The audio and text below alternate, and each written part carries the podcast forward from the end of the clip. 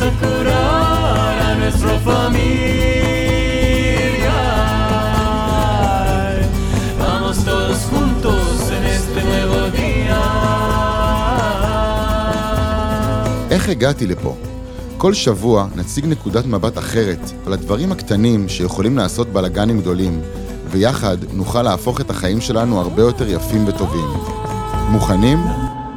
בואו נתחיל. ברוכים הבאים לעוד פרק בפודקאסט. איך הגעתי לפה? איתי באולפן, תומר נעמני, שלום. אסף יבנאי, אהלן. ואני עינת לביא. אז הפרק האחרון שלנו עסק בנושא של אה, מחשבות, וחשבתי על זה שהרבה פעמים כשאני נדרשת למחשבה, אני מתחילה להתבלבל בין רצון, תנועה ומחשבה.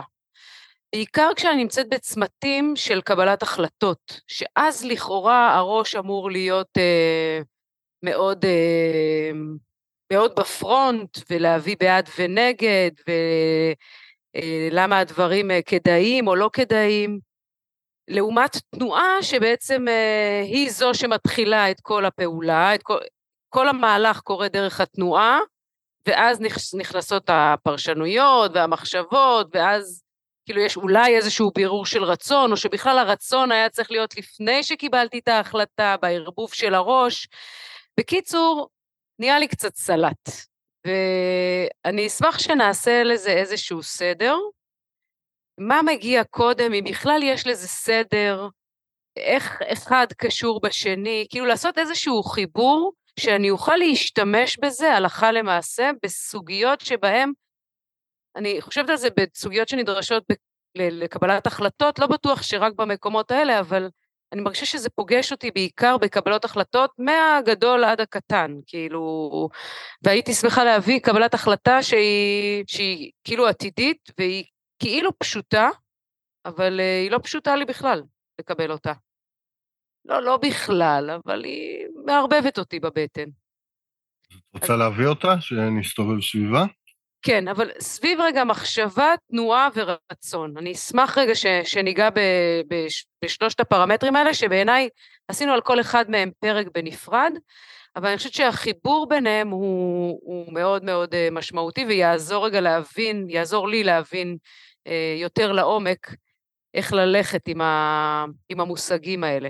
לא יודעת למה, יש לי איזה כמיהה לסייע לכוחות הביטחון. כאילו פתאום מצאתי את עצמי באיזה תפקיד של יועצת ארגונית אה, של אוגדת איו"ש, ואז ירדתי מזה. כי הבנתי שאני צריכה לנסוע בדרכים, אה, אה, בדרכים שאני לא, לא הרגשתי בטוח בהם.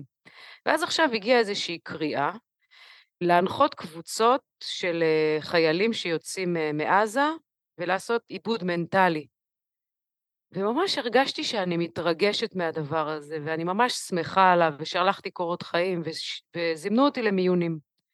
המיונים בשבוע הבא. ויש בי קול שאומר, אני נורא רוצה, יש בי משהו שמאוד מאוד מאוד רוצה להיות משמעותית באירוע הזה, עם הרבה חמלה למה שקורה, ולראות אם אני יכולה בכוחותיי לסייע לאנשים שנמצאים שם עבורי. ויש קול נוסף שאומר, תגידי, את... אה, באיזה סרט את חיה? כאילו, תתרמי במקומות אחרים, תתני... איך את בכלל תוכלי להכיל את האירוע הזה, את הסיטואציה הזאת? את בכלל לא מאמינה באידיאולוגיה הזאת, לא בערכים האלה. כאילו, באיזה קטע את? ושני הקולות האלה נמצאים בתוכי, ואני מאוד מתקשה להבין רגע מה... אני יודעת להגיד מה הרצון שלי. הרצון שלי לתרום.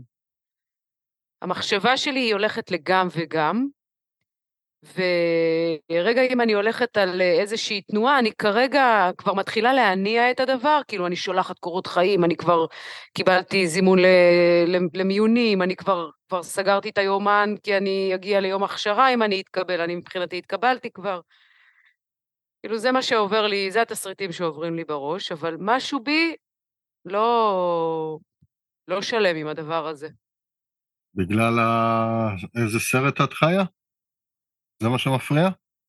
בגדול, כאילו אם אני צריכה לתת לזה כותרת, כן, איזה, באיזה סרט אני חיה, כאילו, מה, גם איזה סרט אנחנו חיים פה, שאני באמת מרגישה איזה סרט אנחנו חיים בו, וזה ממש לא הסרט שהייתי רוצה, וגם להיות מעורבת או חלק ממצבים רגשיים כנראה מאוד מורכבים שאני אמצא שם, שמה לי ולהם, אני בקושי פותחת חדשות כי אני לא מצליחה לראות את זה, או לא רוצה לראות את זה, או לא רוצה בכלל להיות במקומות האלה, והחלק השני זה, אני רוצה להיות לתת ממני משהו שאם אני יכולה לתרום לאותם אנשים שעושים עבודה שהיא, שהיא, אני לא יודעת אפילו להגדיר אותה במילים, אבל...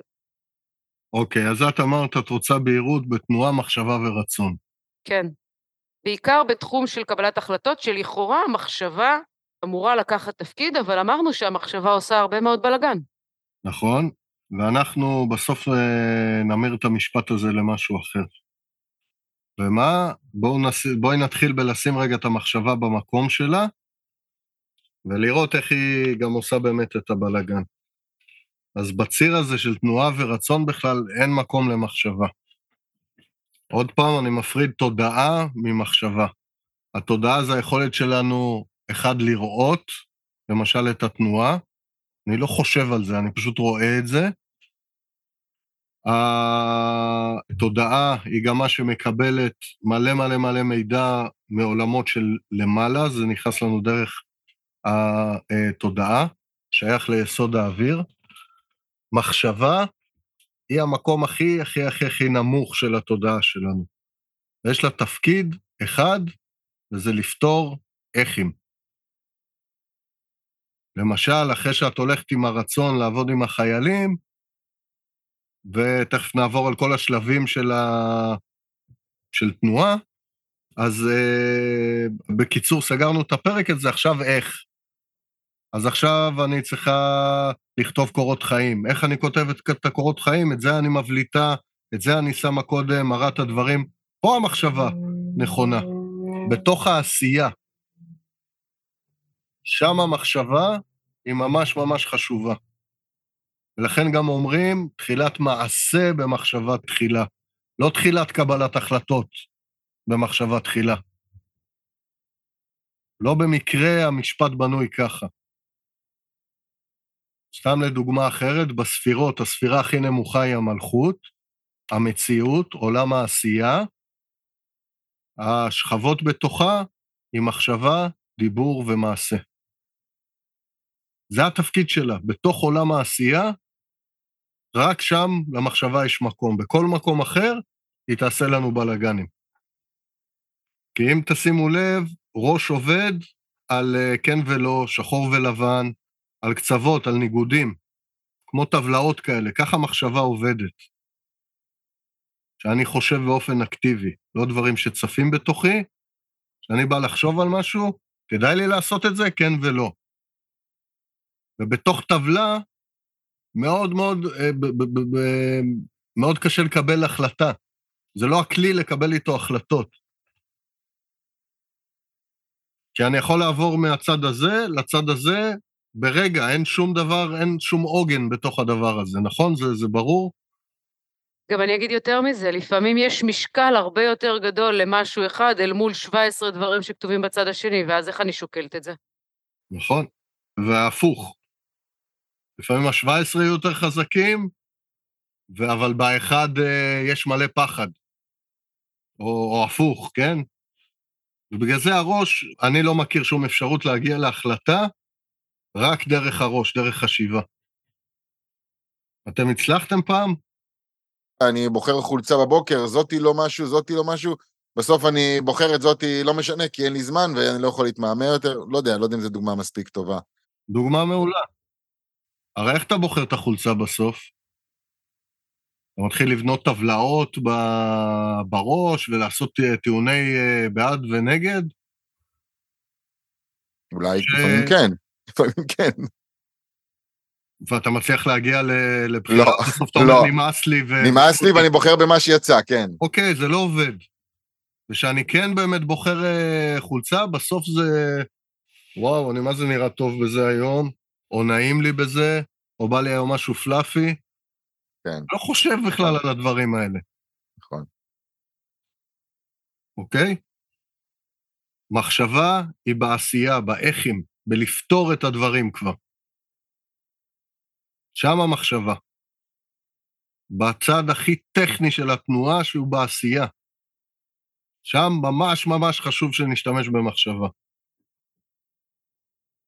למה אנחנו מתבלבלים? כי היא מאוד קרובה לתודעה, היא השכבה הכי נמוכה של התודעה שלנו. ובגלל ששם אנחנו יכולים להתערב בתודעה שלנו, אני אזרוק פה קצת פצצה, אנחנו לא באמת יכולים להתערב.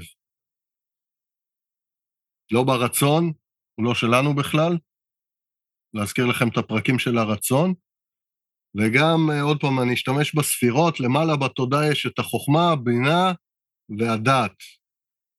הדעת היא הבלגן, שם קורה הבלגנים. אבל בחוכמה, חוכמה זה פתאום משהו מופשט שנכנס אליי, רעיון. אני יכול לנסות להטעין ברעיונות שלי, אבל אה, עוד פעם, תבדקו כמה זה עבד לכם בתוך החיים. אני רוצה רגע לשאול, אז אם למשל, פתאום הגיע אליי, אני לא יודעת מאיפה זה, אני יודעת מאיפה זה הגיע, אבל פתאום סיפרו לי על המעגלי עיבודים האלה, על העיבוד המנטלי הזה, וזה, ממש הרגשתי איך זה מרגש אותי. הרי זה לא הגיע, מה, זה לא הגיע מהמחשבה. מאיפה זה הגיע? ממש אני, אני עכשיו, אני מכירה את עצמי שדברים פתאום מרגשים אותי, זה אני רוצה. פתאום. אני שומעת את זה, אני רואה את זה, כזה אני רוצה. יופי, אז בואו נתחיל לסדר את זה. מאיפה זה מגיע? זה, זה השאלה? כן, זה, זה נגיד בסידורים שעשית, זה, זה תודעה? זה רצון? בטח שזה תודעה. את חשבת את זה? לא. את עשית איזה עיבוד בתוך הדבר הזה? לא, לא. זה הגיע אלייך, וזה לא משנה אם זה הגיע מהמציאות דרך אנשים, או זה הגיע כהבלחה פתאום עלה איזה vision בתוכך. זה הבריאה משחקת כדי לה, להביא לך את זה, זה לא משנה איך. אז אם למשל לא היית פנויה לקלוט את זה מעולמות של מעלה, יביאו לך את זה דרך המציאות. אבל זה מאותו מקור. בסדר? אז אני מזכיר לנו את החמישה שלבים של התנועה. ופה החמישה שלבים האלה גם מסבירים איך תנועה עובדת, אבל הרעיון זה איך הדבר הוא איך להפוך רעיון ממשהו מאוד אבסטרקטי למימוש. הרי זה בסוף מה שאנחנו רוצים. גם בגבוהים של זה, זה להוריד את האור לאדמה, אוקיי? אז מזכיר לנו חמישה שלבים לתנועה. הראשון זה או אפשרות, חזון, פוטנציאל, כאלה דברים. זה הראשון. אוויר, פסגות, פסגות, פסגות שאין לו שום קשר למציאות. כן? לרעיון אין נגיעה במציאות. אתם מסכימים איתי? מול הדבר הזה, השלב השני הוא רצון. התעורר בך רצון? גדול. אבל לזה... כאילו התרגשות. זה אין קשר למציאות, נגיד הדבר הזה ש... שהתעורר בי? או שקיבלתי את החיווי שלו מה... את יכולה להגיד לזה לא? כמו שעשית לאוגדת איו"ש? בטח שאני יכולה להגיד לזה לא.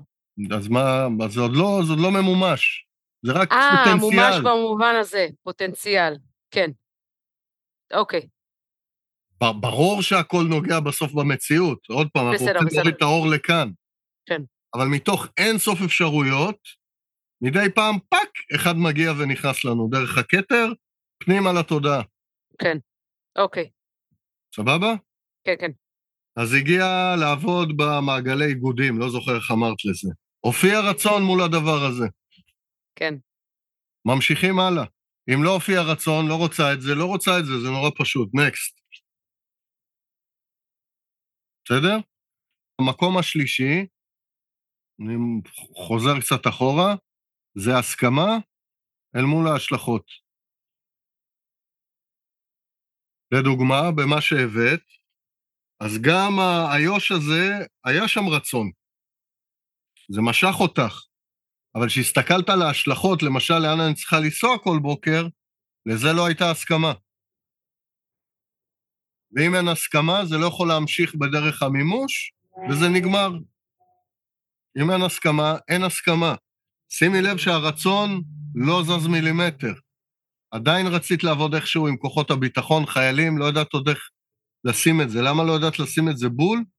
כי זה בספירת החוכמה, זה מאוד מופשט. אבל זה משהו עם חיילים. עבודה עם חיילים, נקודה, זה, זה כל מה שזה אומר. נכון, אני מדויק? אני לא יודעת אם זה הרצון שלי, העבודה עם החיילים, כמו העבודה הערכית מול מציאות שבה... אתה עושה פרצוף. כן, תראה איזה מסובך יצא לך משפט. לא, כי זה לא עם החיילים כחיילים, ובגלל זה יש לי, כאילו, עכשיו שאתה מדבר, עולה לי, כאילו, בסוף, לסייע לאנשים ברגעים הקשים של החיים שלהם, ואני עושה את זה בכל כך הרבה מקומות, זה לא חייב להיות עם חיילים. אבל משהו בחיילים כן ריגש אותך. משהו במ- דווקא במדים, בקיצוניות הזאת נכון, שהם בחזית. נכון, נכון, נכון, נכון, נכון. אז זה כן, קשור לחיילים, ושימי לב נכון. שזה הופיע גם פה וגם פה. נכון, כל השאר זה פרשנות שלך, זה איפה נכון. שהמחשבות שלך התערבבו. נכון. אני אתרום, ואני אעשה זה, ואני אעזור, מה מה את מדברת? זה לא שפה של רצון. כן, נכון. רצון זה משפטים מאוד מאוד קצרים, שלושה, חמישה מילים, וזהו. לעבוד עם חיילים. ככה רצון נשמע. הרבה פעמים הוא יבוא גם עם סימן קריאה וציווי, תעבדי עם חיילים. כשאנחנו לא פנויים לשמוע את זה, זה יגיע כאפשרויות מבחוץ. יתחילו להזמין אותך לזה. למה פנו דווקא אלייך? כי הרצון כבר מתחיל להדהד בתוך העולם.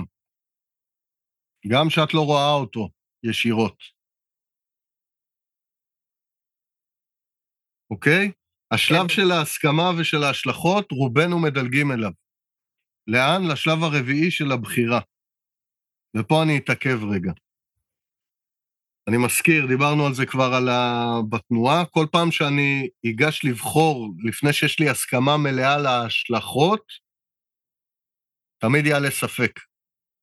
אם דילגתי על השלב הזה, מיד יעלה ספק. למשל, האוגדות איו"ש, ואני אגיד, לא, אני לא, רוצ- אני לא הולכת על זה, ואחרי יומיים, רגע, למה לא אמרתי לא, ומה כזה נורא בלנסוע בכבישים באיו"ש?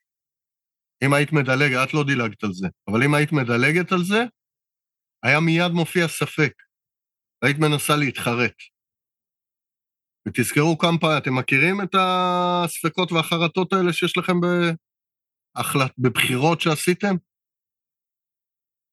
כל פעם שמופיע ספק, זה אומר שיש הפסק, וההזמנה היא לעצור. מה ההפסק? ההפסק, התנועה נעצרה.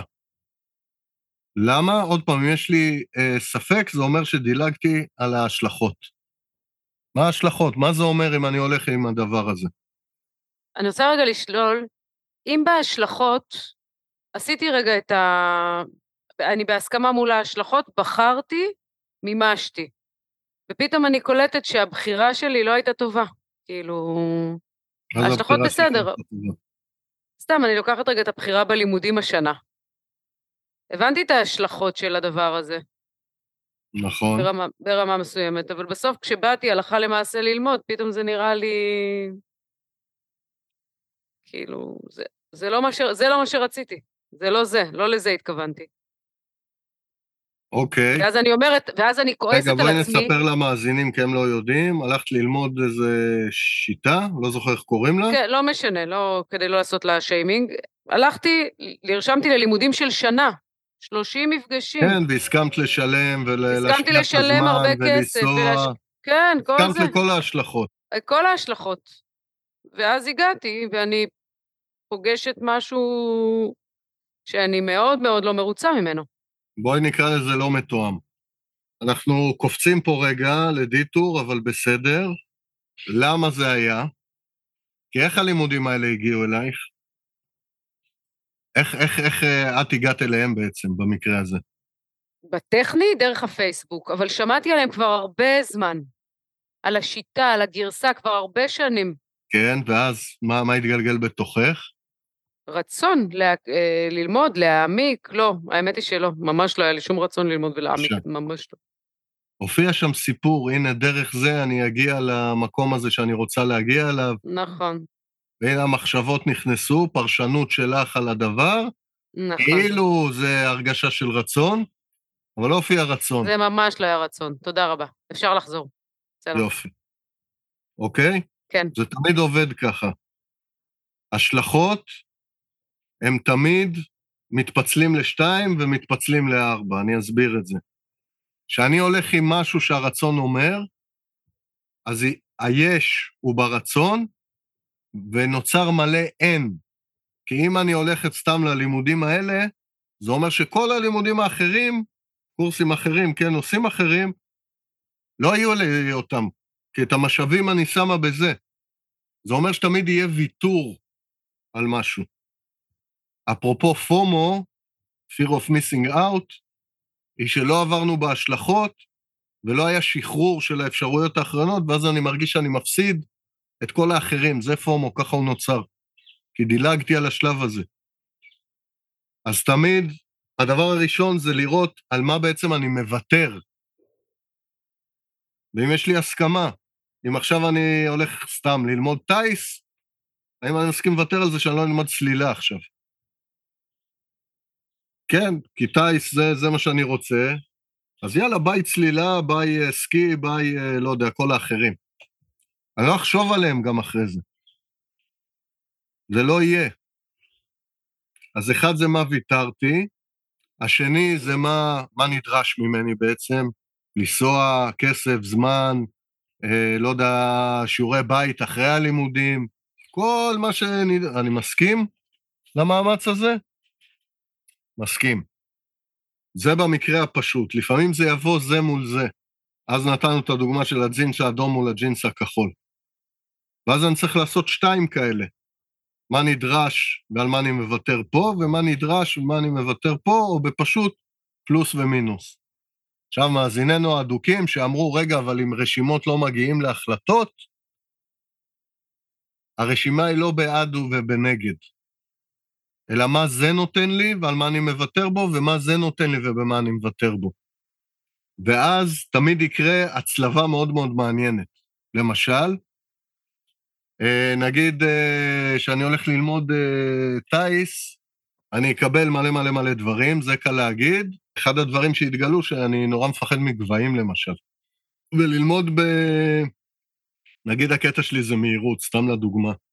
ואם אני אלך ללמוד נהיגה במכוניות מרוץ, אני גם אקבל מהירות וכל מיני מלא מלא מלא דברים טובים, אבל אני לא אפגש עם המקום הזה שמפחד מפחד גבהים. תמיד תהיה את ההצלבה הזאת, שיש שתי אפשרויות. ואז אני אומר, רגע, רגע, רגע, מה הקטע שלי עם פחד גבהים? ואז אני אשים לב, זה גם קשור יהיה לרצון, שכל הקטע זה לעבור פה איזה מכשול, איזה משהו שעד היום נמנעתי ממנו, אני עוד פעם, זה בהפשטה מאוד גסה כזאת שזה יהיה נגיש, ופתאום אני מגלה שרגע, הדבר שהכי תוקע אותי כל הזמן את התנועה שלי זה פחד גבהים. אה, אוקיי, אז אני מסכים ללכת עם הפחד הזה כדי לפגוש ולראות מה יקרה, ואולי הפעם אני אצליח לעבור את הדבר הזה? וואלה, כן. בום.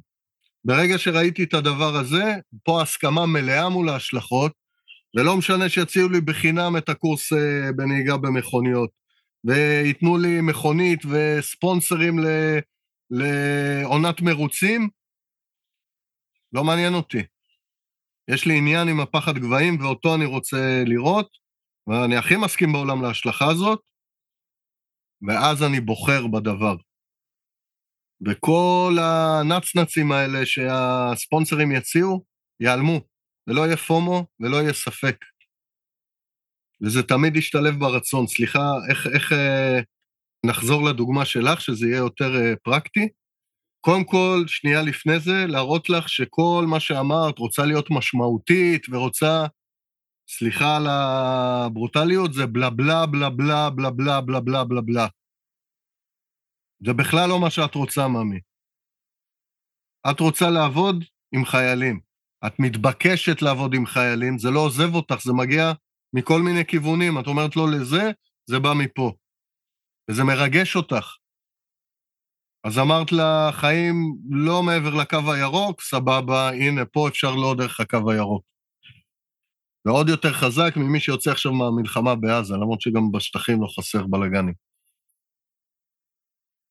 לעבוד עם חיילים במקום מאוד מאוד רגשי, עמוק כזה. זה הרצון. ואז כשאת הולכת על הדבר הזה, אז כל ה... באיזה סרט את חיה, ואני לא מאמינה בצבא, נכון, זה לא קשור בצבא, זה קשור באנשים.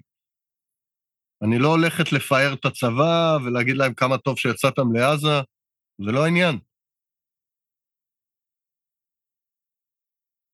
ואז למשל, בתוך ההשלכות, את רואה, רגע, אני, אני הולכת לפאר את הצבא? לא. אנשים. וכל הרצון לתרום וכל הדבר הזה, זה, זה פשוט יורד מהפרק, כי זה לא העניין.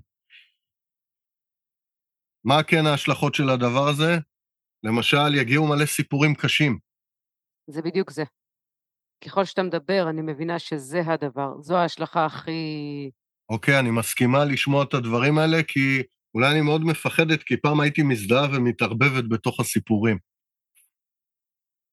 ופתאום אני אומרת, כן, ויותר מזה, אני רואה מלא פעמים שבחיים הפרטיים הישירים שלי, כל פעם שהתערבבתי בזוגיות, למשל בתוך הסיפור, נהיה בלאגן.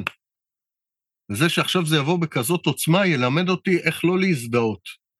איך לא להיות אחד עם הסיפור, אלא להישאר מחוברת, אבל לא צמודה, כדי שאני אוכל להביא נקודת מבט אחרת, אפשרות אחרת, רפואה טובה. אה, כן. אוקיי. ואז סתם הכסף, לדוגמה, נגיד לא משלמים את זה כמו בשוק הפרטי, אני לא יודע, אני אומר. אה, כן, אני מוכנה להרוויח פחות, כי אני רוצה לפגוש את המקום הזה. וככה לאט-לאט, מול כל התנגדות שבה, כל ההתנגדות, ההתנגדויות שלנו יעברו בתוך הדברים האלה. כל הדברים שאני מוותרת עליהם, למשל כסף, יבואו בתוך הדברים האלה. כל הפחדים יופיעו פה. וזה הזמן לעבור אותם, עד שיש הסכמה. עכשיו, במידה ולא הייתה הסכמה, ניקח את זה לתוך דוגמה, אני חייב לתת מענה למה אני לא מסכים. למשל, אני לא רוצה לשמוע סיפורים קשים. דרך אגב, אני עדיין לא בהסכמה, אסף, אני בפרוססים של הדבר הזה. אני משחק, אני לא אמרתי שאת בהסכמה, אני, אני משחק... זה בדיוק מה... זה, למשל, במשחק הזה שאתה עושה, אני ממש... אה, אה, אז בבקשה, נעביר לך את השני. זה בול זה. בבקשה. לא, אבל זה בול זה. אז תדברי, תדברי את מה שיש בתוכך. כן, כי אני לא בטוחה שאני בהסכמה לשמוע את הסיפורים הקשים. לא בטוחה שאני בהסכמה שאני אצליח אה, להיות מספיק אה, חזקה ולהצליח להיות מצ, מצע מאפשר לסיפורים האלה בלי שאני אצליח, בלי שאני אתערבב. אני ממש מפחדת למה יקרה לי שאני אצא מתוך מעגל כזה, שיהיה בו עומס רגשי מאוד גדול, איך זה ישפיע על הבית שלי, על המצב הרוח שלי, על הילדות שלי, ו- ואל מול זה יושב שאני עושה הרבה דברים uh, מאוד טובים גם מול אנשים אחרים, אבל זה באמת לא מול הסיטואציה הזאת שהיא בקיצון, אל מול מה שאני עושה ביומיום שלי. אז בעצם, הלא בטוחה שאני אצליח אה, לשמוע סיפורים קשים בלי להתערבב. זה המהות, נכון? כן. ואז יצא לך, אמרת הרבה הרבה מילים, אני דגתי כזה את הפנינים. אמרת שאת פוחדת מעומס רגשי. למה את פוחדת? כי אני לא יודעת, למשל, איך זה ישפיע לי על החיים הפרטיים שלי, וכל מיני כאלה. איך זה ישפיע עליי? עליי. עליי קודם כל. אם אני מספיק חזקה, אם אני לא מספיק חזקה, חזקה... לא חזקה, לא חזקה, אין שם שום קשר לחוזק. פוחדת מעומס רגשי. כן, כן. עכשיו אני אשאל אותך, האם היו מקומות בחיים שלך שלמשל נמנעת מהם כי פחדת מעומס רגשי? מרגשות עזים? ברור. ומה, לאן זה לקח אותך, ההימנעות הזאת? סדום ועמורה.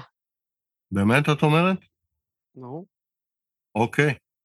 אז השאלה שלי, האם את רוצה לראות מה קורה בעומס רגשי גבוה? כדי, אחד, לא להגיע לסדום ועמורה, שאני לא יודע מה זה אומר, אבל זה נשמע לי לא כל כך כיף. לא. אוקיי. לגיהנום. אם אני, אתה יודע מה זה? לגיהנום. לגיהנום. תני, תני איזה דוגמה אחת ש... פשוט שנבין על מה את מדברת. שהיא נמנעת מעומס רגשי גבוה. אני חושבת שבסוף, אה, הכ- הכי עמוק של זה, זה שנמנעתי מלקחת את התפקיד של להיות אימא, ושילמתי על זה מחיר מאוד כבד. או. וואח הדבר. רוח הדבר. ומה מתוך שאנחנו מכירים ומהתהליך, ככל שהסכמת יותר לצד הרגשי של המקום הזה, נהיית אימא לתפארת מדינת ישראל. שמבסוטה על עצמה, בלי שאף אחד יגיד לה משהו, כל מי לגמרי. שיגיד לך חרא של אימא, לגמרי. היית, זה מ-0 עד 10, 9.8, כי תמיד יש עוד לאן להשתפר. הייתי בטוח שתגידי 100, אבל בסדר.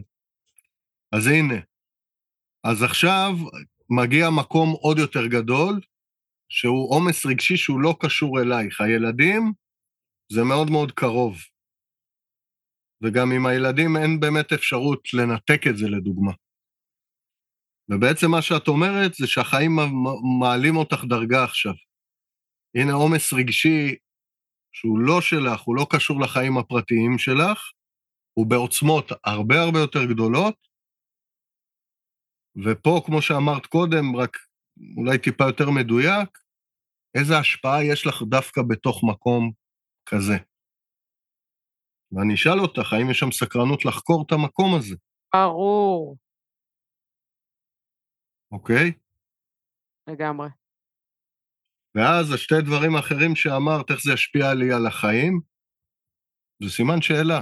את יודעת איך זה ישפיע לך על החיים? לא. לא. אבל את כבר כן יודעת, למשל מהסיפור של האימא, שאם זה ישפיע בצורה שלא מיטיבה איתך ועם הסובבים אותך, מחכה שם שיעור. מסכימה לעבור אותו שהוא יתגלה? כן. ואי אפשר לדעת מראש, צריך לראות לאן הדרך תתגלגל. יכול להיות שזה בכלל לא ישפיע בצורה שלי, אולי ההפך. את לא יודעת, פשוט להשאיר שם סימן שאלה, ולראות אם יש הסכמה לפגוש את מה שזה יביא, הדרך, מה שיבוא. יש הסכמה? כן. אוקיי. עכשיו, אני עושה טוב במקום אחרים, פה אולי יש ויתור. אם אני עושה טוב במקומות אחרים, בתוך ארגונים, בתוך uh, מתנדבת בכל מיני מקומות, לא משנה מהו הטוב. אם אני לוקח את התפקיד הזה, זה אומר שבמקום סתם חמישה ימים בשבוע, יהיה לי עכשיו יומיים בשבוע לשים שם. סתם כדוגמה. יש לי הסכמה לזה? מתוך זה שאני הולכת לפגוש עומס רגשי גבוה וללמוד את המסוגלות שלי בתוך הדבר הזה, ללמוד עוד עדיין איפה אני מתערבת בדברים האלה, ללמוד uh, רצון חופשי שזה בגלל שזה לא הילדים שלי, אני גם יכולה להפסיק את זה בכל רגע שאני ארצה. מה מונע ממני להגיד גדול עליי? סתם לדוגמה. ניסיתי, בדקתי כמו הלימודים, ולא. עכשיו, כמו פה וכמו בלימודים, הרצון עצמו לא מושפע מהדבר הזה. גם אם הערוץ הזה לא יעבוד, הרצון של לעבוד עם חיילים לא ישתנה, ותבוא אפשרות אחרת. אני ברור? תומר, תעזור בתור מישהו שמקשיב מהצד רגע, כי זה מול עינת. המקום של ההשלכות וההסכמה מולם הוא ברור? כן, ממש, ממש ברור. אני רואה שעינת עוברת את זה אחד לאחד, ממש. אה, שאלה-שאלה. מאוד ברור. אז זה ברור איך עובדים עם השלכות והסכמות, וכמה קל, למה ברור, למה קל לנו לדלג על השלב הזה? כי מי רוצה עכשיו לפגוש את הפחד ואת הלא נעים, ולאן אנחנו הולכים? לכל היופי טופי. אני אציל את העולם, אני כל מיני דברים כאלה, וישר קופצים לבחירה. ואז חוטפים את החיים, מה זה כמו רכבת שנתקעת לנו בפנים. ולא מבינים איך זה. הרי זה היה אמור להיות כזה יופי טופי. אחרי שעברתי את ההסכמות, אני מוכן הרבה יותר למה שיגיע. אני יודע שיגיע עכשיו אתגרים. כמו אני אפגוש עומס רגשי מאוד מאוד גבוה. אני לא יופתע מזה עכשיו. זה עדיין יהיה קשה וזה יהיה לא נעים, אם זה יבוא. הפתעה לא תהיה שם. למה זה קורה לי, איך זה קרה ככה, אני גם לא אנסה להתעלם מזה ופתאום יגלה שאני צועק על הילדים בבית, כי, כי לא, לא, לא הסתכלתי על המקום הזה. אז למה קשה לנו להיכנס לתוך המקום הזה של ההשלכות? כי שם אנחנו נפגוש את הפחדים, את ההתנגדויות שלנו. אנחנו נראה למה אנחנו מתחייבים, גם בזמן וכסף, וגם למשל ב... בלפגוש מקומות שעד עכשיו אולי לא, לא הייתה בנו אה, הסכמה לבוא אליהם. כל זה נחשף פה. ככה עובדים עם ההסכמות. עכשיו, אני לא יודע אם סיימת את זה פה, באיך שאנחנו מדברים, התרחב קצת בתוכך, או שזה עדיין באותו מקום, שזה בסדר? כי אני... לא, אני, אני אגיד רגע שאני כבר אה, הורדתי את זה, מה, כאילו במחשבה הורדתי את זה מהפרק. אגב, ההתנגדויות שעלו והחשש מזה, הורדתי את זה מהפרק וכבר התכוונתי לא להגיע בשבוע הבא למיונים, ועכשיו זה כאילו יש לי איזה second thoughts כזה, שזה יפה. כי אני לא בטוחה שלא, זאת התשובה. אוקיי, למה זה... אז תראי איזה יופי. למה? כי לא הייתה שם הסכמה מלאה לשחרר את זה. כן, נכון. ממש אין הסכמה, ממש לא הייתה הסכמה מלאה לשחרר את זה, נכון. יופי. דרך אגב, גם את איו"ש לא הייתה הסכמה מלאה לשחרר. אני עדיין ב... כאילו, עם כל ההשלכה של זה, אני לא... זה לא, זה לא היה מספיק מעובד בשבילי. אוקיי, אז זה רק לראות שלא עברת לגמרי את שלב ההסכמות. כי ברגע שהיית בוחרת ואומרת זה לא מתאים לי, זה פשוט היה נעלם. זה לא נעלם, לא זה ולא זה. או. אז uh, יש משהו שעולה, עוד איזו התנגדות פה, או משהו ש... אני לא יודע כמה להעמיק לזה פה בתוך פרק. לא, אני חושבת שהרעיון ברור. הרעיון ברור. אוקיי. הרעיון רגע של... חובר למציאות? זה לא תיאורטי? לא, וגם לא, לא לדלג על מספר שלוש, ואני חושבת שלי זה עושה שכל, דווקא בעולם שלי, שהוא העולם הארגוני, כשאני עובדת עם מנהלים על קבלת החלטות, זה הרבה פעמים מגיע כאילו מעולם רציונלי, ממחשבה, ואני חושבת שהמודל הזה של חמשת השלבים האלה נותן מענה כאילו לשכל גם. כי, כי רגע, מה, מה, מה האפשרות? אז כאילו השכל עובד כאן, אתה... מה האפשרות, או מה החזון, או מה היית רוצה שיהיה. אבל תשימי לב, זה לא חשיבה. ברור, לא נקרא לזה חשיבה. אוקיי. אז אחרי שראיתי את הכל, ויש או הסכמה לזה או הסכמה לזה, או הסכמה ללכת עם ההשלכות, או הסכמה לא ללכת עם ההשלכות, שניהם הם הסכמה. ואז נוצרת הבחירה. עכשיו, הבחירה, וזה ממש חשוב להגיד, היא לא מול הרצון שעלה. ברצון אנחנו לא יכולים לגעת. הבחירה היא מול ההשלכות. האם אני מסכים להשלכות ובוחר בהן או לא? עכשיו, אם אני לא אבחר בהשלכות, גם הרצון לא יתממש, אבל הוא לא זז לשום מקום. הוא יבוא ממקום אחר. למשל. ולמה זה ממש חשוב ואני מתעכב בדבר הזה? כי המקום הזה של בחירה הוא מאוד מאוד חשוב בתרבות שלנו. למעשה אין לנו בחירה. הרצון הגיע אלינו, הוא לא שלנו, ואני לא יכול לבחור ישירות בו או לא לבחור בו, כי ברגע שראיתי אותו ואמרתי, זה מה שאני רוצה, אני כבר קיבלתי אותו. אני לא יכול עכשיו לא לבחור בו, הוא בתוכי. הבחירה שלי היא מול ההשלכות, ומול ההסכמה שלי, לא מול הרצון. ובסופו של דבר, אני אגיד לכם את סוף הדרך במקום הזה, שאני מסכים ללכת כל הזמן עם הרצון שלי ולא להתווכח איתו לשנייה, כי פה יש סוג של ויכוח, זה הרגע שהמושג בחירה נעלם לי מהחיים. ואני כמו נכנס לתוך נהר הרצון, שזה נהר שכולו אור, ושט איתו, לאן שהוא לוקח. אין שם בחירה, אני בתוך הנהר הזה. ההשלכות זה הבחירה שלי אם אני נכנס לנהר או נשאר על הגדה של הנהר. פה הבחירה, אבל ברגע שנכנסתי, אין יותר בחירה, חברים. אז בעצם מה שאתה אומר, אנחנו מקדשים את הבחירה בחיים שלנו, בתרבות שלנו אנחנו מקדשים את המושג בחירה, אבל אתה אומר, אין דבר כזה בחירה. הוא לא באמת קיים, כי יש איזה רצון, מה שחשוב זה לזהות רגע את הרצונות שלנו שהגיעו, הגיעו, הם לא שלנו, ולהתמסר אליהם. נכון. וההתמסרות היא הכניסה לנהר, ושם יש שצף של זה ויש שם מלא אור, כאילו, להפסיק לפחד מההתמסרות.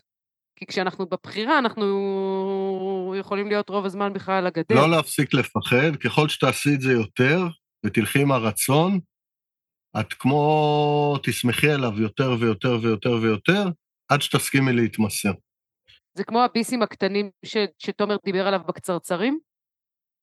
של רצון קטן ועוד רצון קטן ורצון קטן, יוצא רצון גדול. בדיוק.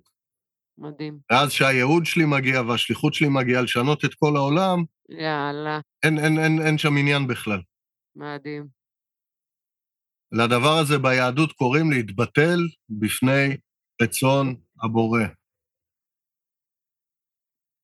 להתבטל. איזה מילה קשה זאת, הלהתבטל. זה בעצם לבטל את עצמי הכוונה? לבטל את הוויכוח מול הרצון שלי. הרצון שלי, שוב אני מזכיר לכם, ככה בורא עולם מדבר איתנו. הכוח שלי זה להתווכח מול הרצון שהגיע.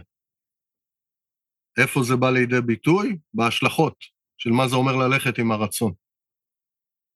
אחרי שאני עושה את זה פעם, פעמיים, עשר, אלף, לא משנה, כל אחד בכמה שהוא... ואתה רואה שללכת עם הרצון רק טוב ומיטיב, איתי ועם סובביי, יגיע הרגע שאתה אומר, רגע, על, על, על מה כל ה...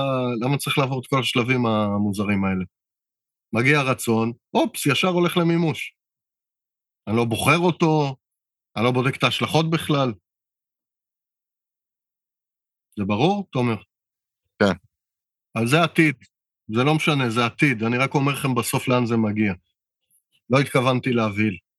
זה נשמע רגע. כמו להיות, נשמע כמו להיות כלי כזה בעצם, הכל עובר ומתממש, עובר ומתממש, אתה לא... ההשלכות, אתה מקבל את ההשלכות מראש, בלי לדעת מה הם, ואתה מקובלות עליך מראש. לאן אהיה אשר אהיה. בדיוק. האינדיאנים אומרים את זה בצורה מאוד יפה, להסכים להיות hollow bones, ולתת לרוח הגדולה לנגן בי כחליל. אפס התנגדות בתוכי. זה מה שהרוח הגדולה, ככה זה השפה שלהם, היא רוצה, זה מה שיהיה. אז הגענו לשלב הרביעי של הבחירה, ואחרי שעברתי את ההשלכות היא קורית ככה. אין, אני לא צריך לבחור, פה, פה אין מאמץ. אחרי שעברתי את ההסכמות, הבחירה נולדת. הבחירה שוב היא בהשלכות, לא ברצון. אני אגיד את זה, ש- ש- זה, זה עמוק, אני לא יודע איך להגיד לכם את זה. והשלב החמישי והוא האחרון הוא המימוש. אז ראינו כבר שתי דברים. ראינו את המקום של המחשבה, איפה לשים אותה, מתי היא נדרשת. ראינו שבתוך התנועה, בהתחלה של התנועה, בתוך ארבעת השלבים הראשונים, אין מחשבה. במימוש, בשלב החמישי, עכשיו יש מחשבה. למשל, אם אני הולכת עם האפשרות הזאת, אם תלכי איתה, תהיה שם בחירה, מה אני עכשיו צריכה לעשות ואיך אני עושה את זה הכי טוב? לחשוב, להביא את הרזומה הזה, לעשות את זה, להדגיש את זה ברעיון וכולי וכולי וכולי. פה לחשוב. זה ברור? גם ברור וגם אה, שינית, עזרת לי לשנות או לדייק רגע את, ה... את ההחלטה. עכשיו, מה, מה שקרה פה מאוד יפה זה הזדקק הרצון. הרצון הוא, הוא לעבוד עם חיילים, או יותר מדויק, לפגוש עם אנשים שעברו משהו רגשי מאוד מאוד מאוד מאוד נכון. חזק. נכון, המקום, אחד הקיצוניים בתקופה הזאת זה חיילים. נכון. אחרי זה זה יכול להיות אה, נשים שעברו, לא יודע, תקיפה מינית למשל, אלימות. אה, זה זה. אה? זה זה, זה זה. זה זה זה. לא החיילים. לא סתם לא הלך לי החיילים, זה זה. אוקיי, יופי. ואז, דרך עבודת הבירור הזאת, נחשף הרצון האמיתי. ולשם הלב תמיד ייפתח. עכשיו, זה, זה אחד מה... זה רצון מאוד מאוד אמיתי, כי הוא כבר יותר קרוב למקום של השליחות. כי אתה יודע, כשדיברנו על שליחות, עכשיו זה מתחבר לי, וגם כשעשינו את סשן, את שאגת הפנתר בתחילת השנה, אז מה ששמתי לנגד עיניי זה באמת להעמיק יחסים ואינטימיות, ו... ובמובן מסוים זה מגיע עכשיו, כאילו, מה אם לא או. זה? כי פתאום היא רואה שאוקיי, זה מפחיד אותי מאוד להרגיש את זה, אוקיי. אבל אם אני מבקשת אינטימיות, אין מצב שאני לא נותנת ל... זה לא שאין מצב, אם אני לא אתן ל... לרגשות העזים לעבור דרכי, הכל, מכעס מאוד גדול, מתסכול מאוד גדול, מפחד מאוד גדול, מ... משמחה מאוד גדולה, מתשוקה מאוד מאוד גדולה, עזה, אני לא באמת אגיע למקום של האינטימיות שביקשתי אותו לעצמי. ואז למקום הזה, אה, עוד פעם, לא עשינו, וואי, צריך לעשות באמת פרק על ואהבת לרעך כמוך, אבל אה, לפחות גילינו את הרצון עוד יותר גדול שעוטף את כל הדבר הזה.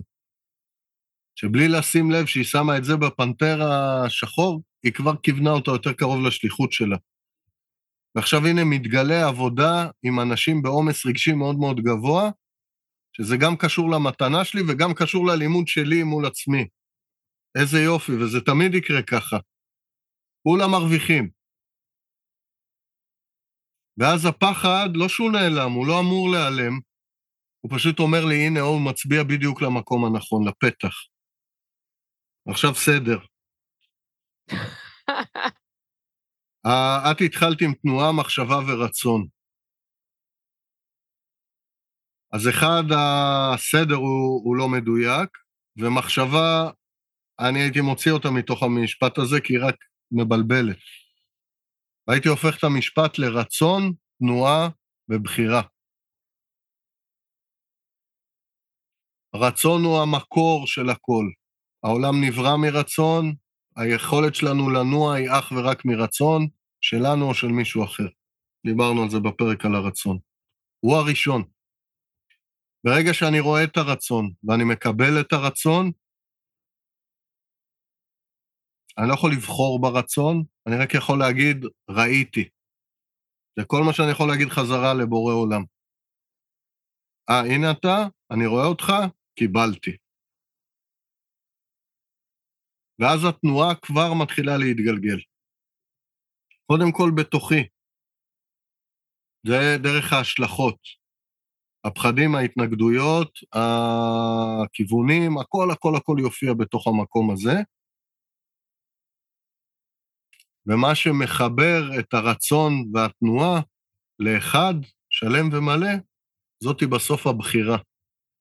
בהשלכות, לא ברצון. ואז יש לנו משהו שהוא שלם, אני מקווה שאני ברור. אנחנו מתחילים ברצון, שם זה רק לראות אותו, עצם שראיתי אותו, קיבלתי אותו. זה לא אומר שאני הולך אחריו. אבל את הרצון כרצון קיבלתי. אך איך שאני רואה אותו, מתחילה להתגלגל תנועה, כל ההתנגדויות, מתחיל כל הבלגן הזה בפנים. עולה התרגשות, עולה פחד. עולה ספק, עולה אני לא יודע אם אני יכול או לא יכול, הכל יעלה, הנה התנועה מתחילה, הכל זז, תנועה פשוטה. יופי. אני אוסף את זה, אני, אני קופץ קצת לנושא אחר, רואה שזה קולות בתוכי, זה לא אני. זה מלא חלקים, רסיסים של בתוכי, אני אוסף אותם לשק ההסכמות, או שק ההשלכות.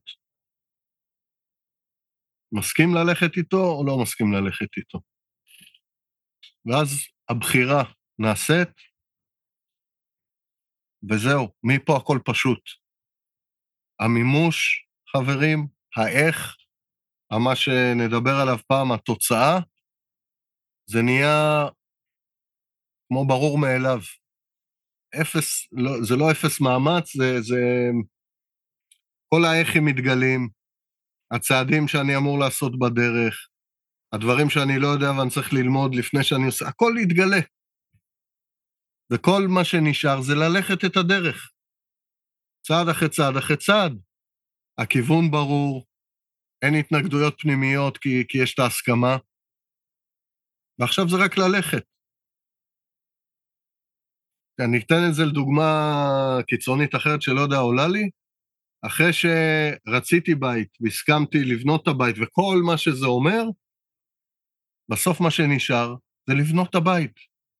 לוקחים את האיש מקצוע הזה ואת האיש מקצוע הזה, אם אני לא בונה לבד, ותולשים שערות בחנות של הקרמיקה, אבל זה לא מפריע לתנועה הגדולה. הכל מאוד מאוד ברור. אם נתקעתי במשהו, יש לי מאחורה את הרצון ואת ההסכמה שלי, שנותנת לי רוח גבית. בתוך ההתבלבלות שיש לי עם מרצפות כאלה או כאלה. או, זה ברור? כן. או, עוד משהו שאני אגיד פה שמבקשים ממני לדייק, שלחו לי באוזנייה. הרצון, הביטוי הראשון בתוך הספירות, דרך עולם היהדות, מופיע בספירת החוכמה. ספירת החוכמה תמיד תביא משהו מאוד מאוד אבסטרקטי. כמו לעבוד, עם הדוגמה של עינתי, עם אנשים שעברו אה, אה, חוויות קשות. לעבוד עם חוויות קשות, ככה זה נשמע, זה משפטים מאוד קצרים, ובדרך כלל בציווי. אין לנו מה לעשות עם זה, זה מין משהו אבסטרקטי כזה לגמרי. זה לא נבע מחשיבה, זה הופיע בתוכנו. עוד פעם, עינתי לא שמה לב שזה אה, קיים בתוכה, היא מכירה, לא מכירה את זה כזה, נכון? זה לא חדש לך לגמרי, אבל אף פעם לא נתת לזה לעטוף את כל כולך. אז זה התחיל לבוא מבחוץ, כדי שהיא תשים לזה יותר לב. ככה החיים עובדים. עכשיו, אוקיי, זה התגלה. הספירה הבאה שבאה זה ספירת הבינה. ספירת הבינה מחזיקה את הפרטים של הרעיון או החזון. מלא מלא מלא פרטים קטנים יש בפנים. אם אני אביא לשם חשיבה לתוך המקום הזה, אני אפרש את מה זה אומר. כמו, סתם לדוגמה, אני אלך לעבוד עם חיילים. אבל זה לא מה שזה באמת אמר במקרה הזה. כדוגמה, נשים שעברו אה, חוויות קשות. הרבה יותר מתחברת לזה. אבל אני פירשתי את זה לחיילים, ואז אני מתחיל למלא את הבינה במלא מלא פרטים, אני אלך לאוגדה הזאת ואני אעשה את הזה ואני אביא את התוכן הזה, זה החשיבה שלי. ואני ממלא את הבינה בכל הפרטים האלה, ואכלתי אותה מראש. זה לא יעבוד, ואם אני אעבוד זה, זה יעבוד, זה יהיה ממש קשה, או מתסכל או לא מתגמל, ואני אגמר ואשרף. כי זה לא מה שניסו להגיד לי. אם ראיתי מה שהחוכמה אמרה, רגשות קשים, עכשיו אני ממתין, ונותן כמו שזה הגיע לתת לבינה להתמלא, ופתאום אני מתחיל לראות פרטים. משום מקום, גם זה מופיע. למשל אפשרויות, לעבוד עם חיילים, להתחיל עם חיילים כי, אה, סתם אני אומר, כן, נשים אה, קרוב לי מדי. אה, פגיעות מיניות נגיד, סתם כדוגמה, כן? לא אומר עלייך כלום. אז אוקיי, חיילים יותר רחוק לי. ואז אני רואה, אני מתחילה עם חיילים ועוברת אחרי זה ל... לא יודע, פגועי נפש, ואז לנשים. ומה אני עושה? אני אראה איזה תכנים אני מביאה לשם, ומה נדרש? זה יתמלא לבד. כל הדבר הזה עד שפתאום fuck! זה ירגיש מלא שלם, והדעת, שזו הספירה השלישית, שמחברת את שניהם, פתאום הכיוון יהיה מאוד מאוד ברור.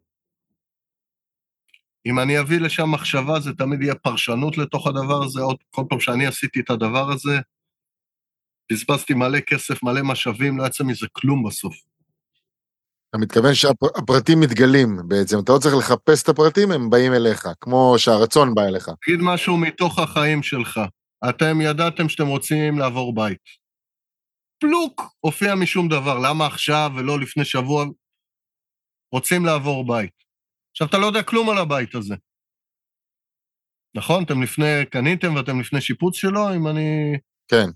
נכון? אתה יודע להגיד לי איזה קרמיקה אתה רוצה? לא. לא. אין פרטים, זה כרגע רק מכל שהוא בית. עכשיו אתה מתחיל להסתובב בבית, ומסתכלים אליו, ורואים פה נעים ופה לא נעים, וזה, יש פה הרבה אור ופה אין הרבה אור, אתה, אתה, אתה רק מסתכל על זה, זה הגוף שלך קולט את הדברים האלה. ואז פתאום מתחילה להיבנות תמונה בתוכך, שלאו דווקא איך בדיוק הבית ייראה, אבל למשל, איך היית רוצה שהוא ירגיש? שהוא יהיה יותר מואר, שהוא יהיה יותר מרווח, שיהיה גם איזה כוך קטן שאני אוכל אה, ככה, אני ממציא, כן? להיות שם לבד. מקום אה, למשפחה, איך, איך, איך אני רוצה שהוא ירגיש. ודרך זה התחילו להופיע פרטים יותר, אה, זה, פתאום אני אראה איזה סלון איפשהו, ואני אגיד, פה אני רואה, פתאום אתה רואה את המשפחה שלך על, על סוג כזה של סלון. לא דווקא התמגוצ'י הזה, אבל המבנה שלו נגיד. וזה מתחיל להיבנות בתוכך. לא כי עמדת ואמרתי, רגע, פה אני אשים קרמיקה כזאת ואני אשבור את הקיר... לא. אני קודם יבין את המסגרת של הדבר הזה, ורק אחרי זה, אה, כדי לדבר הזה, אני צריך לשבור חלון, כדי שייכנס יותר אור. הקרמיקות צריכות להיות בצבעים uh, כאלה, כדי שיהיה את האווירה שאני רוצה, וכולי וכולי. התמונה הזאת של הפרטים היא נבנית בתוכנו. אין שם חשיבה. פתאום אנחנו מתחילים לראות. אני רואה קטע שאנחנו בסלון, וקטע שאני באמבטיה, או איך שאני מקלח את הבנות באמבטיה, ופתאום בחדר שינה, ופתאום אני אה, רואה איך תפסתי את, את אשתי כזה ככה, ומצמיד אותה דווקא פה לקיר הזה, סתם כדוגמה. והיא תוך כדי רואה את הארון בגדים שלה, ואיך אה, פתאום קל לה לעומת הבית הקודם שהיה הכל אה, צפוף, סתם דוגמה. ומתחילים לבוא פרטים, ואתם משתפים את הטוב, ונוצרת תמונה. איתה אפשר למשל ללכת לאדריכל. הוא מבין בכלל על מה אני מדבר? לא, הוא בן אדם מאוד טכני, הוא אווירה לא מדברת אליו, ואין לי מה לעשות איתו, נקסט. וכולי וכולי וכולי. הבנתם? ואז הדברים מתגלים מעצמם. ככה בעצם אנחנו הולכים בתוך הלא נודע. אני יודע שאני רוצה בית, והנה התגלה הבית, קניתי את הבית, אין לי מושג איך הוא קורה, זה הכל לא נודע אחד גדול. עכשיו, זה פרקטי, זה נורא קל לדבר על בית. כשאני אדע לעשות את התנועה הזאת, היא תנועה די גדולה, פתאום אני אקבל קריאה עוד פעם, לשנות את העולם, לנסוע לאמריקה, להרצות. מה? לא יודע. אוקיי, ראיתי, מקבל. לאט לאט יעלו נושאים לדברים, לאט לאט זה, פתאום אה, יבוא, רגע, אני מכיר את ההוא, אולי זה, פתאום מתחילים קשרים כאלה, זה נבנה מעצמו. וככה אנחנו הולכים בתוך הלא ידוע, ותראו כמה כלים יש לנו ללכת בתוך הלא ידוע. וכמה אנחנו לא יודעים שום דבר בתוך הבריאה הזאת. ושאנחנו נותנים לה להתגלות בפנינו, כמה זה נעים. קל או פשוט, ולרוב יהיה קל. יהיו אתגרים, ויהיו מקומות לא נעימים, אבל תמיד זה יישען על מלא מלא פשטות. זהו, נראה לי. שני דברים שעולים לי, ואני רוצה להניח אותם רגע כאן. ואולי עם זה נסגור. אחד, גם הבית של תומר הוא ביטוי לאיזה רצון הרבה יותר עמוק, הרי הבית הוא רק ה... האיך, הוא האמצעי, נכון? זה המחשבה, אני רוצה בית, אבל כאילו לברר יותר לעומק ואז לחבר את זה רגע לאדריכל, זה בעצם מה שאמרת, מה הרצון שלי שיושב בתוך הבית הזה, שזה פעם אחת. והדבר השני שככה עלה לי מהשיחה, זה שבעצם בסוף אם אני הולכת עם הרצון שלי, שהוא לא שלי, הוא הגיע, וזה המשחק של הבריאה, ככה היא מדברת אליי, הבריאה, ככה הדרך מדברת אליי, אז הבחירה שלי, מה, מה רצית לדייק? שהרצון הוא לא שלי, אבל הוא, הוא במובן מסוים שלי. מה זה אומר? גם שאני הולו בונס ואני חליל בפני הרוח הגדולה, זה עדיין הקירות, למשל, של החליל, הם שלי. אני. Mm-hmm. אז הרצון הגיע אליי, כי מה שמתבקש לבוא, לי יש אותו. כן. שזה חלק מהתפקיד שלי בחיים האלה, אפרופו הייעוד, מה שדיברנו, בדיוק. זה חלק מהתפקיד שלי ולכן זה הגיע אליי. בדיוק. ובמובן מסוים אתה אומר... אז בגלל זה הוא שלי, כי רק נכון. אני בעצם יכול להביא אותו לעולם. נכון, ובמובן מסוים אז אתה אומר, כאילו יש לנו בחירה. אין לנו באמת בחירה, כי הדבר הנכון, אני בכוונה רגע שמה את זה בנכון או לא נכון, הדבר הנכון זה להתבטל אל מול הרצון הזה ולהסכים לקבל אותו, כי אני, זה הייעוד שלי בחיים, ואם הגיע הרצון הזה, זה המימוש שלו, הבחירה ללכת עם הרצון הזה שהגיע, ובגלל זה הוא קודש הקודשים. נכון. ועוד פעם, מזכיר לכם מהפרק על הרצון את ההסתבכויות שיש לנו שם, כמו הצו האישי שלי, שהרבה פעמים אני אשים אותו על הפרשנות שלי, זה גם משהו שהתחדד לי מאוד בימים האחרונים. אני מזכיר לכם, בתוך הרצון האישי הוא חרב פפיות, יש את הפרשנות, היאכטה, נראה לי דיברנו על זה בפרק. הבית, זה בדיוק הדוגמה של תומר על הבית. הבית, נכון, רגע. או רצון שהוא שלי, הצו האישי שהוא שלי, אבל הוא מקדם אותי למקום חדש. מתי אני מזהה שזה ככה? שפתאום עולה לי למשל, אני רוצה ללמוד. למשל, בדוגמה שלך דווקא, לשאת עומס רגשי. אני רוצה ללמוד, אני לא יודעת איך עושים את זה. וזה אחלה. זה רצון אישי שהוא מעולה. הוא מתוקן ב- ב- בשפה היהודית. אם הייתי, למשל, אומר, אה, לא, לא יודע מה ההפוך של זה, אני רוצה לאי בודד. סתם דוגמה. למה? כדי שאני לא אצטרך להרגיש שום דבר. זה פחות טוב. אני אגיע לאי בודד ואני אלמד הישרדות וכל הדברים האלה, אבל לאן זה קידם אותי?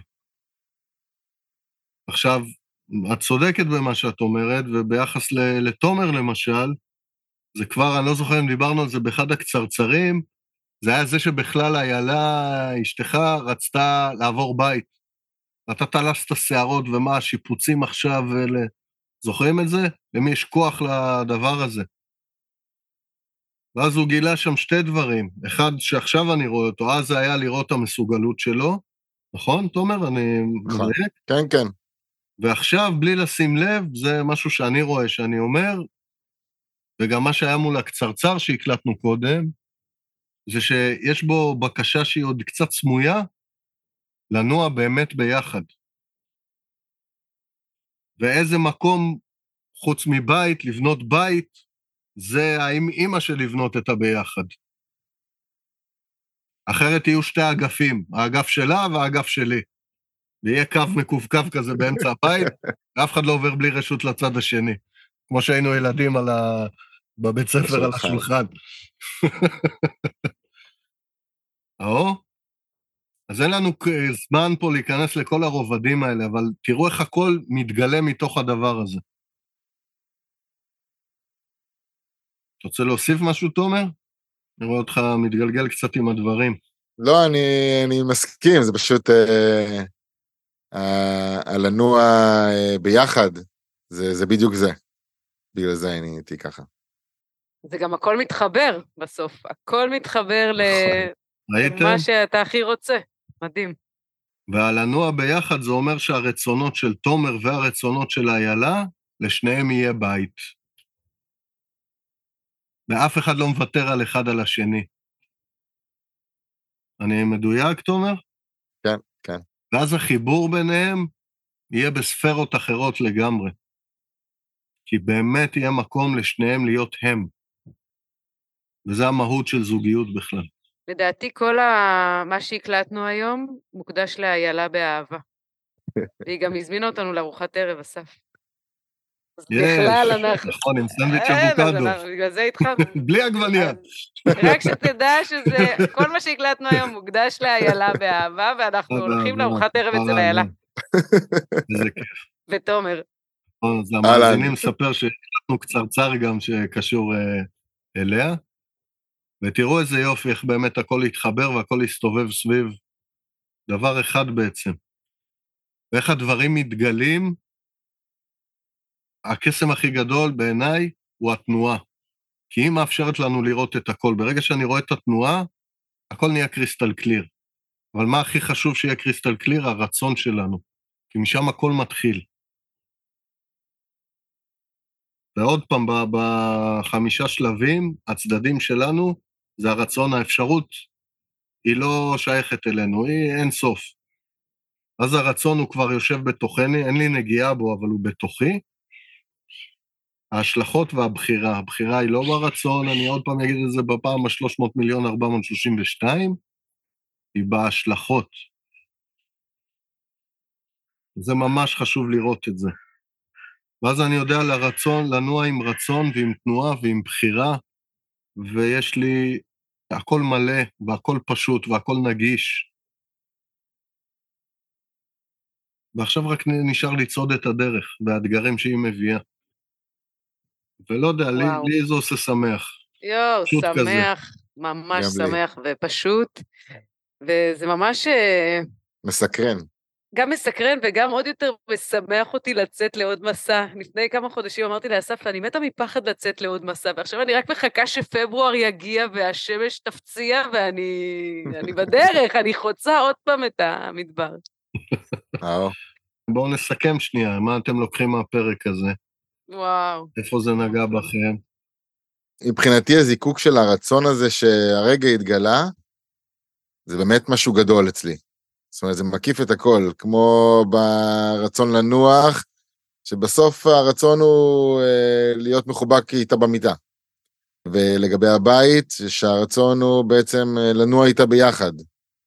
זה הכל אה, מתחבר לי לשם. וגם אפילו להביא את עצמי, זה גם מולה וגם מול העולם, זה, זה, זה גם ביחד. זה הכל מתחבר לי, וזה... כבר לגלות אותו ולשים לב אליו, זה כבר עושה לי טוב ונעים. מהמם. לשאלה על הפרק עצמו, על הסדר שהבאנו פה, זה מתחבר? זה עושה היגיון? אה, לי זה עושה מאוד היגיון, בטח. ממש כן, זה, זה פשוט מבעיר את הדברים ומחלק אותם לפיסות יותר קטנות, שיותר נוח לתפוס.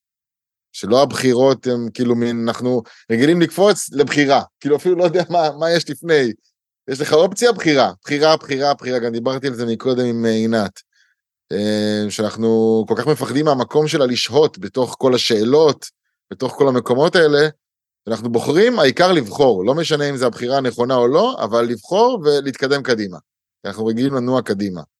ולא לשהות במקומות האלה שלפעמים אולי מעלים פחדים, ספקות, אי נוחות, דברים מהעבר, דברים שאני לא רוצה לפגוש. לא שואלים את עצמנו אפילו את השאלות האלה כדי להתקדם קדימה. וואו, הבאת שתי פנינים שאני ממש רוצה ככה לתפוס אותם. אחד אמרת, העיקר לבחור, נכון או לא נכון. והעניין שאין בחירה נכונה או לא נכונה. אין דבר כזה. כי ברגע שאני עושה איזושהי בחירה, עוד פעם, התנועה מביאה דיוק. וזה גם אם בחרתי ב-180 מעלות מהנכון, שמי יודע בכלל מהו, ועוד פעם, זה, זה הפרשנויות שלנו, זה המחשבות שלנו, אני מיד אראה שזה הכיוון שלא לוקח אותי עם הרצון שלי. הגעתי ל dead end, מה הבעיה? סבבה, לא פה, reverse קטן, מה עכשיו? ומיד התנועה שלי נהיית מדויקת. עצם זה שנראה לי שיש נכון או לא נכון, אני כבר מסבך את עצמי. הגעתי ל dead end, אני למדתי בתוכי משהו מהדבר הזה, משהו, הכלים שלי נבנו. לא כדי שאני אגיע לדד אנד ולא כי עשיתי טעות, אולי הייתי אפילו חייב לעשות את הטעות הזאת, כי מתוך זה למדתי משהו. זה אחד. והדבר השני, זה, זה ממש, אני מציע לכם להוציא את זה מהמערכת נכון או לא נכון, בטח בבחירות. לא, לא יודע איך להגיד לכם, זה זהירות מוקשים ענקיים בנכון או לא נכון. וזה מוביל אותי לדבר השני שאמרת, שאנחנו מיד קופצים לבחירה. ובעצם אנחנו מיד קופצים לתוצאה. ישר מנסים לפתור, ישר מתחילים, אבל איך אני עושה ואיך אני עושה ואיך אני עושה.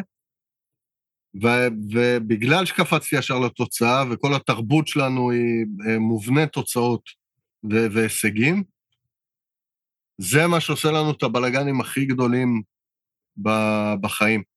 ואולי הרמת לנו להנחתה, אני שם את זה רצון לפרק הבא, להראות איך תמיד שהליכה עם תוצאות מביאה ומגדילה חושך.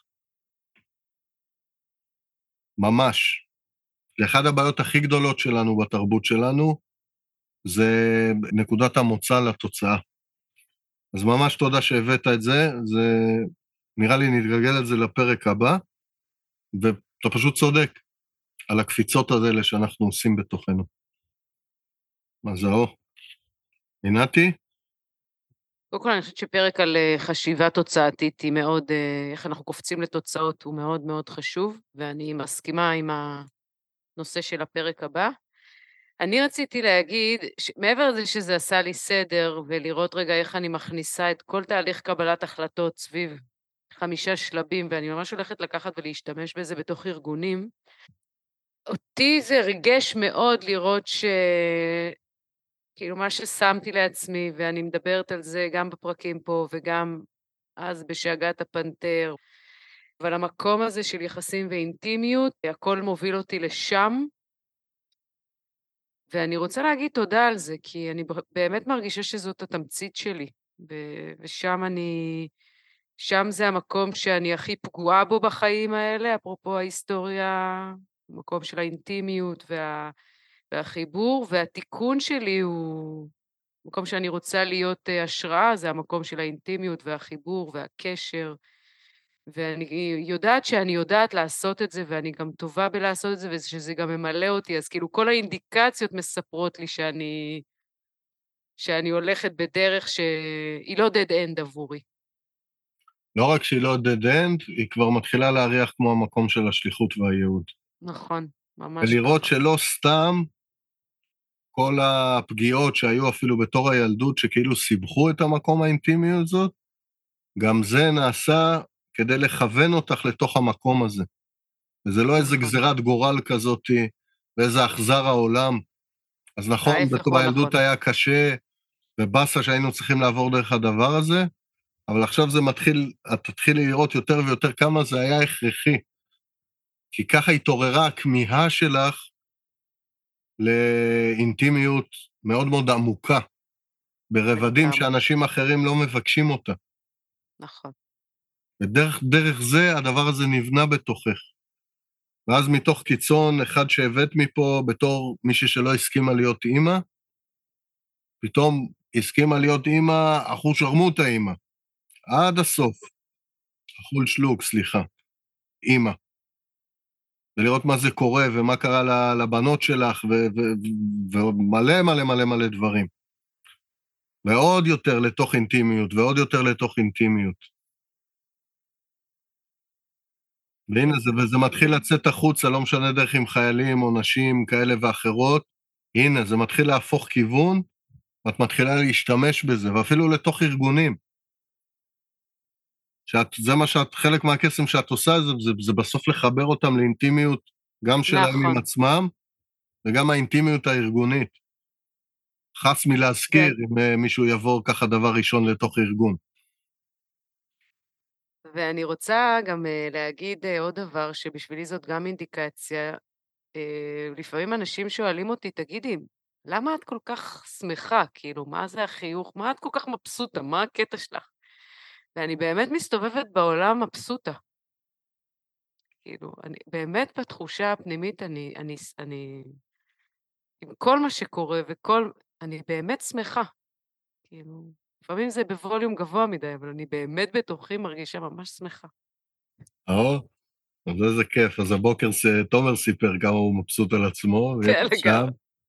איזה כיף. אז למאזינים אני אגיד, בואו איתנו, בסוף יוצאים שמחים.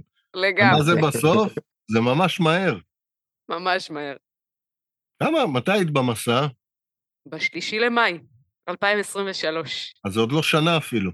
מה פתאום? ובפברואר אני מגיעה לעוד אחד דחוף, ואחר כך נראה איך אני ממשיכה. אני תמיד בשוק מהמהירות שהדברים האלה עובדים. לגמרי, ממש. אבל אני גם מקפידה. נכון. כי אני נמצאת, אני לא הלכתי, אני לא... לא רק הייתי אפיזודה, אלא נשארתי כי הרגשתי שזה פותח דברים אה, מופלאים. אז זו גם הזדמנות להגיד לך תודה, אסף. ברור, ולשתיכם, גם כן עליי שם רובד, והנה פה בפודקאסט. ואת גם uh, במפגשים. מדהים. יש לנו טעימה עוד שבוע, יש לנו מלא דבר, כיף איתנו, חברים, זה מה שרציתי להגיד לכם. רגע. אתם פשוט מוזמנים. אז האור, נכון? סגרנו? האור. יופי. תומר, עכשיו זה הזמן שלך. או שאתה רוצה גם להגיד, לא, אסף, לדעתי אמרת מספיק. כן, ממש. מספיק. תומר, תן משפט. איתו. הפודקאסט הזה הוא עבורכם, אז אם יש נושא שמעניין אתכם לקבל עליו זווית ראייה נוספת, כתבו לנו. ואם הפודקאסט הזה תרם לכם, תפיצו אותו הלאה, וביחד נהפוך את העולם פשוט יותר. אהו, תודה, חברים. יותר, תשמח אה, יותר, בדיוק. ביחד יותר. נכון. וגם אני רוצה-. להגיד תודה רבה לחברים שלי באולפן, תומר נעמני, תודה, תודה. אסף יבנאי! ואני הייתי עינת לביא. תודה רבה.